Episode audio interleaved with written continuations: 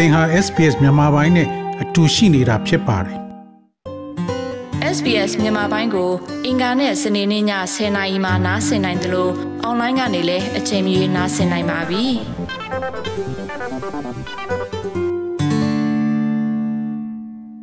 သောရရှိမြခင်ဗျာလေလာမှုအသစ်တစ်ခုအရ COVID-19 အပျော်စားကူးစက်မှုခံရလင်းပင်အုံနောက်ကိုတိတိသားသားပျက်စီးစေနိုင်ကြောင်း တွေးရှိခဲ့တယ်လို့ဆိုပါတယ်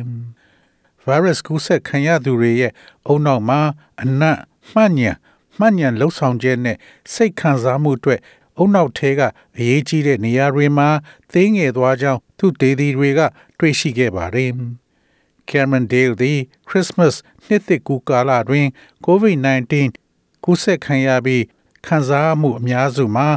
virus နဲ့သိကျွမ်းတဲ့လက္ခဏာများပေါ်ပေါက်ခဲ့တယ်လို့ဆိုပါတယ်။ And that, it, that kind of fever, sweat kind of lasted for two, three days and kind of achy, kind of um, sore throat, kind of just lethargic. ထွေထွက်တာနှစ်ရက်သုံးရက်လောက်ကြာပြီးလေချောင်းနာတာထုံထိုင်းပြီးအားရင်တွေမရှိတော့တာက ပုံမှန်လက္ခဏာတွေဖြစ်ပါတယ်ကျွန်တော်ခံစားရတဲ့ပုံမှန်လက္ခဏာတွေဖြစ်ပါတယ်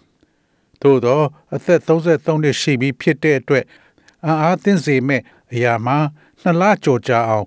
brain fog လို့ခေါ်တဲ့အုံနောက်စိတ်ရှုပ်ထွေးခြင်းအုံနောက်စိတ်ရှုပ်ထွေးခြင်းမေးလျော့ခြင်းနဲ့အာယုံဆိုင်မှုနဲ့စိတ်ပိုင်းဆိုင်ရာခြေနှင်ပြတ်သားမှုမရှိခြင်းများရှိနေခြင်းပင်ဖြစ်တယ်လို့ဆိုပါတယ် It's just like a, like a cloudiness that's like, yeah, you just find hard to kind of string a couple of thoughts together, I suppose, and like you lose track of where. တည့်ရဲ့အတွေးခေါ်တွေကိုအားလုံးပေါင်းစည်းဖို့ခက်ခဲနေပြီးသင်ဘာလုပ်နေတယ်ဆိုတာကိုခြေရာခံမိသလိုခံစားရပါတယ်။ အနေငယ်နိုးကြပြီးတမန်ထက်သတိထားနေသလိုပါပဲ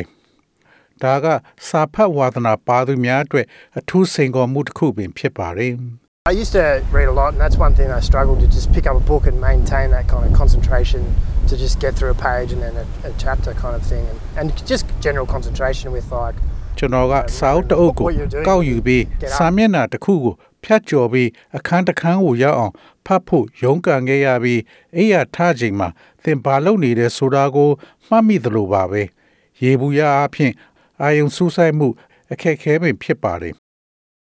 Melbourne Florey Institute of Neuroscience and Mental Health မှာ Professor Ashley Bush က United Kingdom မှာအသက်တီထွင်ပြုလုပ်လေ့လာမှုတစ်ခုရဲ့တွေ့ရှိချက်သည်လူအများသံသယရှိတာကို အတီးပြုကြောင်းပြောကြားခဲ့ပါတယ် uh, people who had developed COVID in the period actually performed cognitively more poorly compared to people who did not have COVID. So there ကိုဗ actually စ်ကူး was စက် some ခံရပြီး impairment အ of မှန်တကယ် their ဖြစ်ပွားသူ brain များသည် function as a ကိုဗစ် result မရှိသူ of this များထက် infection. ဉာဏ်ရည်ဉာဏ်သွေးပို၍ဉာဏ်ဖြင်းကြပါတယ်ထို့ကြောင့်ကိုဗစ်ကူးစက်မှုကြောင့်၎င်းတို့ရဲ့အုံနောက်လှုပ်ဆောင်ရတချို့ချိုးယွင်းသွားခဲ့ပါတယ်တုံနှစ်တာကာလအတွင်း လေးလာမှုတွင်ပါဝင်သူ985ဦးရှိခဲ့ပြီး၎င်းတို့ရဲ့အုံနောက်ကိုစစ်ဆေးတဲ့အခါထက်ဝက်ကျော်သည့်ထိုအချိန်ကကိုဗစ်ဖြစ်ခဲ့တာကို တွေ့ရှိခဲ့ရတယ်လို့ဆိုပါတယ်။ Monash တက္ကသိုလ်မှဒေါက်တာ Mahili Sachindrana က Nature Journal တွင်ထုတ်ဝေသည့်လေးလာမှုသည် Britain ရဲ့အုံနောက်ဇီဝ ပုံရိပ်ဖော်ခြင်းရဲ့ data အခြေခံမှအချက်လက်များကိုအမှန်တကယ်လေးလာခြင်းကြောင့်အရေးကြီးကြောင်းပြောကြားခဲ့ပါတယ်။ They seem to um, say that the areas affected uh, in terms of olfactory sensations, so that's uh, pertaining to the sense of smell. So it's obviously very well documented that most um, COVID 19 infections begin with a loss of smell, sometimes a loss of taste. And they did definitely find that the areas pertaining um, to that, that, part, that part of the brain were affected. But then with the cognitive testing, obviously, they were also able to find supporting အဲ့ဒီ evidence ထိ to ခို show က်တဲ့ that နေရာများ parts of သည် the cerebellum နတ် were အာယုံ affected, ခံစားမှု and များ that's နဲ့ why there's ပတ်သက်လို့ changes in, ဆက်လင်းလို့ cognition. ထိခိုက်တဲ့နေရာများဟုဆိုကြပုံရပါတယ်ထို့ကြောင့် COVID-19 ကူးစက်မှုခံစားရသူအများစုသည်အနံ့ပြောက်ပြီးတခါတရံအရသာဆုံးရှုံးခြင်းမှအစပြုကြောင်းကောင်းစွာမှတ်တမ်းတင်ထားပါတယ်အဲ့ဒီနေရာတွေမှာထိခိုက်မှုတွေရှိနေတာကို တွေ့ခဲ့ရပါတယ် ဒါပေမဲ့နောက်ပိုင်းမှာသိမြင်ဆန်းစစ်မှုနဲ့အတူ celebrium လို့ခေါ်တဲ့အုံနောက်ရဲ့နောက်ဖက်အချမ်းရဲ့အစိတ်ပိုင်းတွေကို ထိခိုက်ကြောင်းပြသတဲ့သက်သေအထောက်အထားတွေကိုလည်းတွေ့ရှိနိုင်ခဲ့ပြီးဒါကြောင့်သိမြင်မှုဆိုင်ရာ ပြောင်းလဲမှုတွေဖြစ်လာပါတယ် Professor Bush ကအုံနောက်ပေါ် COVID သက်ရောက်မှုကအတော်လေးနည်းပေမဲ့ Alzheimer နဲ့ Parkinson လိုမျိုးအသက်ကြီးပိုင်းတွေမှာဖြစ်လေရှိတဲ့ယောဂတွေနဲ့ဆင်တူတယ်လို့ဆိုပါတယ် I don't, I don't want to scare people into thinking that the brain is severely damaged by, by COVID. It has an impact. Uh, the, the size of the damage was actually relatively small. But knowing that the brain has been impacted by COVID, we really are, have the responsibility now. အဲ့ဒါက to see what are the မိကွန်းထုတ်เสีย long-term ဖြစ်ပြီး consequences of this ကြောက်เสียကောင်းတဲ့ serious. အလားအလာကမှန်သလားဆိုတာ သိနိုင်ဖို့အခုနောက်ထပ်သူသေသနာတွေလုပ်ဖို့လိုအပ်ပါတယ်ကိုဗစ်ကြောင့်အုံနောက်ကိုစိုးစိုးဝါးဝါပျက်စီးသွားတယ်လို့လူတွေကို မတွေးစေချင်ပါဘူး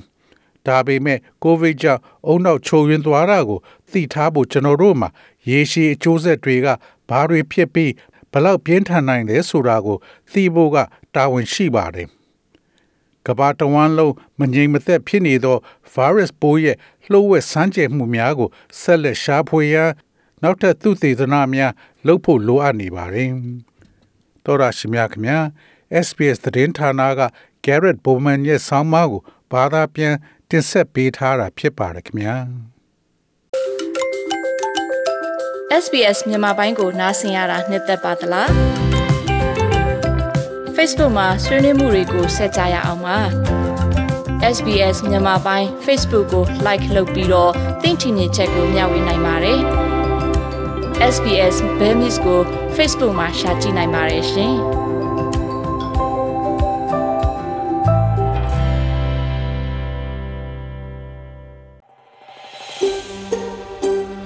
ဒါမျိုးသတင်းဆောင်မတွေကို ပိုနားဆင်လိုပါလား Apple Podcast Google Podcast Spotify တို့မှာသင်ပင်ရာဖြစ်ဖြစ်ရယူတဲ့ podcast ကနေပါ